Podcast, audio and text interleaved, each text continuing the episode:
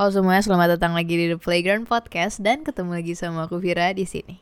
Oke, jadi setelah hampir satu bulan podcast ini libur, akhirnya aku kembali di sini ya untuk mengisi podcast ini. Walaupun sepertinya nggak tahu sih ada yang denger apa enggak, tapi kayak ya udahlah, kita have fun aja di sini ya kan. Karena sebenarnya tujuan aku membuat podcast ini adalah untuk apa ya kayak untuk menghibur diri asik sebenarnya kayak buat apa ya buat sampingan aja karena apa ya akhir-akhir itu aku kosong gitu kan. Karena aku baru selesai UAS ujian akhir semester dan baru selesai ujian praktek juga dan minggu-minggu ini ya. Enggak sih sebenarnya aku rekam podcast ini tanggal 21 nah minggu lalu ini tanggal ini hari minggu. Ya pokoknya satu minggu belakang itu kita tuh cuman kayak pembahasan buat USBN aja. Kayak eh USBN atau ujian sekolah sih nggak tau lah pokoknya buat ujian yang paling terakhir kali. Tapi kan tahun ini tuh nggak ada UN ya jadi kayak cuman ujian sekolah gitu. Jadi ya udah cuman pembahasan-pembahasan gitu dan itu juga nggak pakai Google Meet. Jadi kayak aku tuh cuman ya udah gitu kayak cuman lihat-lihat materinya aja gitu. Jadi ya minggu ini minggu-minggu terakhir satu minggu terakhir inilah aku tuh kayak kosong gitu gabut sebenarnya. Sebenarnya tuh banyak hal yang bisa dikerjain tapi ya nggak tahu nggak kepikiran aja gitu. Dan baru hari minggu ini aku kepikiran buat bikin podcast lagi gitu. Karena uh, satu minggu belakang itu aku lagi mood swing gitu. Karena lagi moodnya nggak bagus dan pengen marah terus gitu. Nggak ngerti deh kenapa.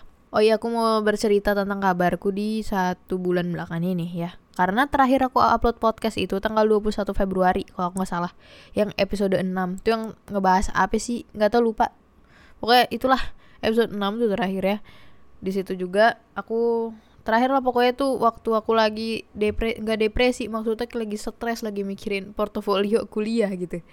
Dan ya nanti tanggal 31 itu 31 Maret kampus yang aku daftar gitu itu pengumuman kelulus eh kelulusan iyalah kayak pengumuman penerimaan mahasiswa baru gitu. Jadi kayak semoga bisa masuk amin. Semoga banget sumpah. Aku tuh kayak berharap banget bisa masuk situ. Jadi kayak beneran ya kalau aku masuk ya keterima di kampus itu aku nggak bakal lagi ngelirik kampus lain. Bener aku mau masuk situ aja.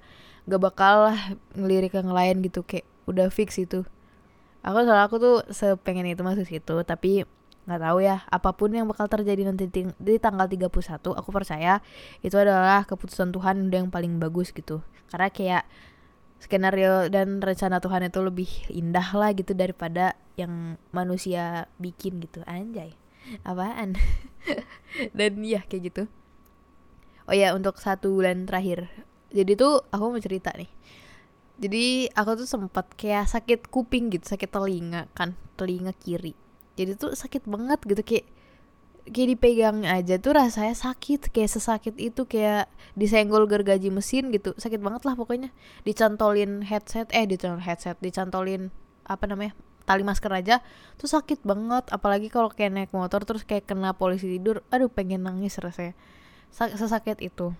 Dan setelah tiga hari sakit kuping itu aku pergi ke THT dan ternyata tuh apa kayak gendang telinga gitu kayak bengkak gitu kayak merah gitu. Terus waktu dicek ke hidung itu ternyata penyebabnya itu kayak radang eh radang uh, infeksi virus bakteri atau nggak tahu lah pokoknya kayak gitu. Pokoknya jadi hidungnya itu juga merah banget. Dan kata dokter itu karena pilek ya kayak flu gitu udah lama banget dibiarin terus lari ke kuping. Dan emang iya sih sebenarnya aku tuh udah kayak berapa bulan gitu kayak pilek. Tapi pileknya itu bukan yang intens jadi pileknya itu cuma malam kalau pengen tidur kalau udah berbahan tuh bener-bener nggak bisa napas hidungnya tuh mampet.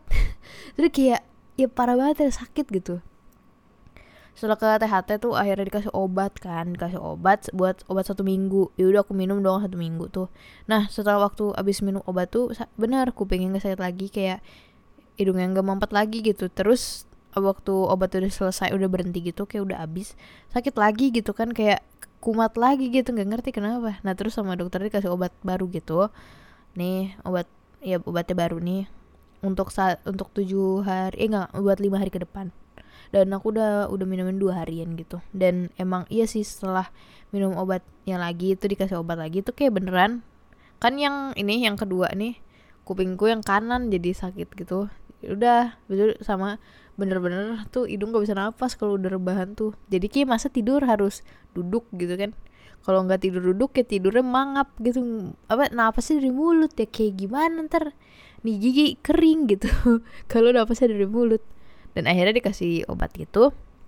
Aku searching searching obatnya itu memang ada satu obat yang katanya sih kata Google ya tapi nggak tahu juga. Itu kayak katanya mengecilkan pembuluh darah untuk mengobati terjadinya apa namanya penyumbatan di hidung gitu. Dan asli ya setelah minum obat sekali beneran bisa napas gitu. Tapi nggak tahu nih ntar kalau ini obat habis masih kayak gitu juga. Kalau misalnya masih kayak gitu katanya mau di endoskopi gitu ya nggak ngerti lah Padahal aku tuh taunya endoskopi itu buat lambung kan, tapi ternyata itu ada juga kayak buat THT gitu. Gitu sih. Awalnya tuh ya aku kira aku tuh sakit kuping gara-gara pakai headset. Padahal aku mikir juga kayak aku pakai headset tuh kayak jarang sekarang kan aku udah nggak terlalu main game lagi. Kenapa? Karena emang game aku udah bosan main game, temen di gamenya udah hilang semua dan mataku pedes kalau lama-lama lihat layar dan kayak minusku sih nambah gitu. Jadi kayak kayak kita perlu berhenti membatasi diri gitu. Ternyata enggak. Sakit kuping itu gara-gara flu batuk gitu. Dan aku kemarin tuh sempet ronsen paru gitu kan. Kayak medcheck lah yang medcheck semua sampai yang darah urin paru gitu-gitu. Ini nggak nggak ada apa-apa nggak ada masalah apa gitu. Nggak ada. Ternyata baru ke THT kemarin baru ketahuan loh. Ya udah kayak gitu sih dan ya sakit kuping juga itu sih yang mem membuat eh nggak faktor lain kenapa aku nggak bikin nggak kepikiran buat bikin podcast. Dan buat nulis wetpad juga aku juga belum. Wetpadku udah hampir satu atau dua bulanan belum aku update lagi. Karena for your information aja aku tuh nulis kayak nulis fanfiction gitu kan. Di wetpad tentang Treasure sama Blackpink gitu. Dan alhamdulillah lumayan sih yang peminatnya lumayan. Jadi kayak kayak aku bakal update terus gitu. Sampai kayak partnya sampai 50 50 gitu kayak ya sampai banyak lah. Dan ya setelah cuap-cuap 7 menit ya tentang diriku sendiri akhir-akhir ini ya aku pengen cerita tentang waktu uh, waktu SD jadi ini btw aku tuh terinspirasi dari tiktokers tiktokers gitu ya. Jadi ini kan aku tuh akhir-akhir ini sejak pokoknya sejak bulan lalu tuh waktu aku apa ngerjain portofolio. Tuh aku kan bosen ya kalau tengah malam. Aku kan start ngerjain portofolio tuh kayak jam 1 jam 12 jam 11 gitu. Sampai jam 2 jam 3 pagian. Nah tuh kan selama itu kan aku masa ngerjain video terus sambil kayak bosen gitu kan. Gak ada teman teman ngobrol udah tidur semua. Dan kalau aku buka TikTok tuh ternyata banyak kayak tiktokers yang live dan aku menemukan dua tiktokers yang aku suka cara live-nya dan karena mereka tuh ngomongnya itu asik ba baik gitu terus enak gitu. Seru lah. Itu ada satu ada Mas Wisnu dua lagi sama eh dua lagi. Satu Mas Wisnu satu lagi Mbak Kak Ran atau Mbak Ran ya gitulah. Jadi itu dua tiktokers itu yang menurutku storytellingnya tuh enak. Jadi kayak setiap mereka live gitu kayak mereka cerita gitu kan. Kayak cerita tentang apa namanya tentang ya pokoknya tentang masa lalu entah waktu kuliah waktu SD waktu SMP gitu-gitu deh. Kayak storytelling aja cerita-cerita itu story time ya kan. Dan itu menurutku tuh asik banget ya karena selain cara cara pembawaannya itu lucu ceritanya menarik dan emang orangnya asik aja gitu. Jadi aku suka nontonnya. Aku nggak terlalu banyak sebenarnya sih nonton live TikTok gitu. Karena nggak banyak juga yang uh, masuk gitu. Kayak apa yang namanya? Kayak serak gitu. Sebenarnya ya tiktokers yang lain live-nya bagus gitu tapi kayak yang serak buat aku tuh baru dua baru ketemu dua. Tapi nggak tahu sih kalau misalnya di masa depan aku menemukan ini apa namanya kayak tiktokers baru yang membuatku betah nontonin live-nya ya kan. Dan iya di episode kali ini ya ya ampun ini kayak keluar jalur banget sih sebenarnya. Tapi nggak apa-apa lah ya. Aku tuh pengen cerita tentang simulasi gempa bumi. Jadi sebenarnya tuh episode ini tuh tadinya aku pengen cerita tentang gempa bumi tapi karena setelah 9 menit kita buang sia-sia membicarakan diriku sendiri kayaknya topik gempa bumi akan kita bahas sepenuhnya di episode ke-8 ya. Di episode ini aku pengen cerita dulu tentang simulasi gempa bumi yang memakan korban di SD ku.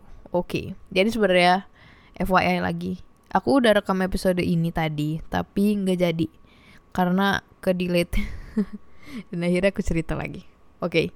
Jadi ini itu te apa ya terjadi pada tahun 2008 2009 waktu aku SD Aku SD itu masuk SD 2008 dan lulus SD 2015, lulus SMP 2018, lulus SMA 2021. Di tahun 2000 2008 ya, 2008-an gitu, aku masih kelas 1 SD umurku sekitar masih 6 tahun dan itu aku baru masuk SD banget. For your information aja, SD ku itu bukan SD besar, SD ku itu SD kecil yang letaknya agak jauh dari rumahku tapi itu emang lumayan kecil kalau dari segi murid juga kecil karena kenapa kecil? Karena kayak misalnya nih kelas untuk kelas 1 SD itu kelasnya cuma ada satu kelas 2 cuma ada satu kelas kelas 3 cuma ada satu kelas kelas 4 cuma ada satu kelas. Jadi kayak setiap tingkatan dari kelas 1 sampai kelas 6 SD itu cuma ada satu kelas kayak kalau misalnya di sekolah lain kan kelas 1 SD-nya mungkin ada kelas 11, 12, 13 atau 1A, 1B, 1C gitu kan.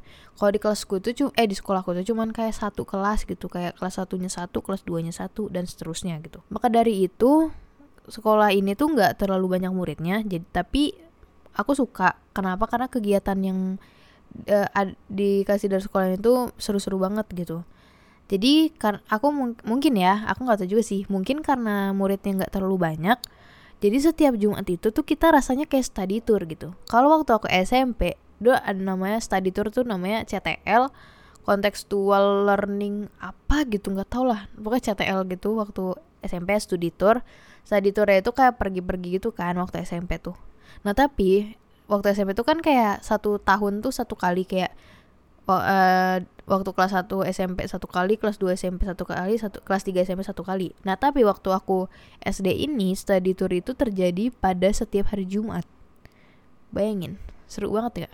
Jadi setiap hari Jumat itu kita pergi entah itu ke pabrik teh botol, ke pabrik sayur roti, ke pelabuhan, ke stasiun kereta api atau mungkin nggak pergi keluar sekolah tapi kita kayak membuat kue, mem eh kue, membuat jus gitu-gitu, masak-masak atau mungkin juga pergi ke rumah temen. Dan bahkan ya pergi ke rumah temen itu menjadi salah satu kegiatan ya agenda official dari sekolah. Tapi uh, study tour ini tuh namanya di SD ku dulu itu namanya home vi eh home visit. Namanya life skill. Nah life skill itu di dalam life skill itu yang tadi ku bilang ya ada yang pergi ke rumah temen itu namanya home visit. Jadi kita kayak mengunjungi rumah temen gitu loh. Tapi home visit itu kayaknya waktu kelas udah kelas 4 ke atas tuh udah nggak ada lagi. Eh kelas 4 apa kelas 5 kelas 6 lah nggak ada lagi. Karena waktu di kelas 5 dan di kelas 6 itu life skillnya itu atau study tournya itu cuman kayak pianika sama bimbel gitu sih kayak lumayan udah bosen gitu. Dan ya waktu kelas 1 itu banyak banget sih kegiatannya. Kayak pernah juga sih waktu SD tuh aku kita pergi ke tempat gerabah kita kayak bikin cermin gitu bikin cermin terus ditempel kayak apa ya kayak cangkang telur gitu. Terus juga pernah kita bikin gelas tuh gak sih? Gelas buat mabok tuh yang satu shot itu. Jadi gelas yang kayak kecil banget itu kayak dilukis gitu. Kita pergilah ke tempat kerajinan. Terus dulu pernah juga bikin gelang-gelangan gitu. Kita pergi ke tempat kerajinan gitu. Dan menurutku itu cukup seru ya. Bukan cukup sangat seru. Nah jadi tuh kayaknya uh, tapi nggak setiap Jumat sih untuk apa ya life skill pergi keluar sekolah tuh nggak tiap Jumat. Jadi kayak bisa aja di di hari Jumat itu kita nggak pergi keluar sekolah tapi life skillnya itu cuman kayak di, di lingkungan sekolah kayak misalnya pramuka atau masak-masak gitu. Nah jadi tuh pernah ya kalau nggak salah aku ini kalau aku nggak salah ya life skill pada hari Jumat itu tuh simulasi gempa tapi kita nggak dikasih tahu kalau itu tuh simulasi gempa. Jadi gini ceritanya, pada suatu hari Jumat yang damai seperti biasanya, kita lagi belajar bahasa Indonesia atau menulis tegak bersambung, aku lupa sih. Pokoknya tuh uh, ada lagi belajar lah. Jadi tuh di sekolahku tuh tiap kelas itu dipegang sama dua guru. Dua guru ini yang ngajarin semua pelajaran di kelas itu. Jadi satu itu ada wali kelas, yang satu lagi ada wakil wali kelas gitu. Kita sebut saja lah begitu ya. Jadi waktu itu tuh hari Jumat itu yang waktu mau simulasi gempa nih, ibu-ibu wakil wali wakil wali kelas itu lagi ngajar lagi ngajar dan ibu wali kelasnya tuh ya duduk lah di meja guru kan di belakang gitu. Nah tiba-tiba waktu kita lagi belajar dengan khusyuk gitu kan, ada bunyi nih, bunyi bel. Tapi belnya itu nggak kayak bel biasa. Kalau bel biasa, bel pulang sekolah tuh bel istirahat tuh kayak tet gitu kan. Ya serius belnya cuma tet gitu tapi ini tuh beda gitu nggak tet gitu tapi kayak kayak owa owa gitu. Gimana lah gitu lah pokoknya Bella tuh beda aja kayak beda aja gitu.